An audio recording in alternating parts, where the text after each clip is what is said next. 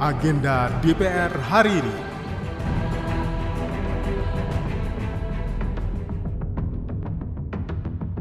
Anggota Komisi 2 fraksi PKS, Mardani Alisera, dalam masa reses kali ini melakukan kunjungan ke daerah pemilihannya di DKI Jakarta 1. Ia membagikan momen yang disukainya saat berkunjung ke dapil dan berbagai kegiatan yang dilakukan para lansia di sana.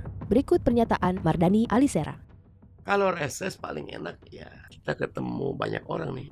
Contohnya saya pernah ke perkumpulan lansia.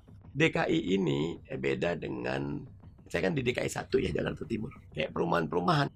Kota Jakarta pensiunan rata-rata dan rata-rata lansia masuknya. Nah, ternyata mereka punya banyak program. Di PKK kita, RT RW itu ada PKK, ada klub lansia, PKK lansia. Kan PKK ada yang balita, kan ada yang lansia juga. Dan saya suka karena dengerin mereka cerita dulu waktu kerja dulu. Jadi maksud saya, kadang-kadang kalau kita udah tua selalunya nostalgia.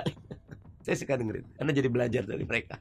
Ada senamnya juga, ada senam lansia, ada jalan sehat lansia, ada klub lansia, ada yang suka catur, ada yang suka macam-macam lah gitu. Ada yang melukis.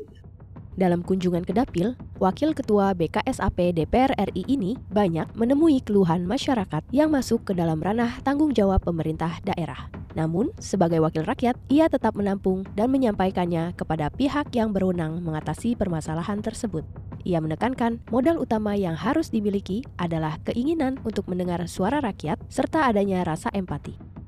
Banyak, Pak ini kurang makam, mau meninggal susah ini, sekarang susah. Itu kan levelnya di provinsi kan. Kalau di DKI kan saya nggak punya akses ke Pemda gitu kan. Ada lagi Pak ini banjir, cek cek cek itu bukan domainnya PUPR, itu domainnya Dinas Citata atau Dinas Tenaga Air di provinsi atau di Kota Madia. Saya saya tampung, kemudian saya janji datangnya saya bawa teman DPRD provinsi.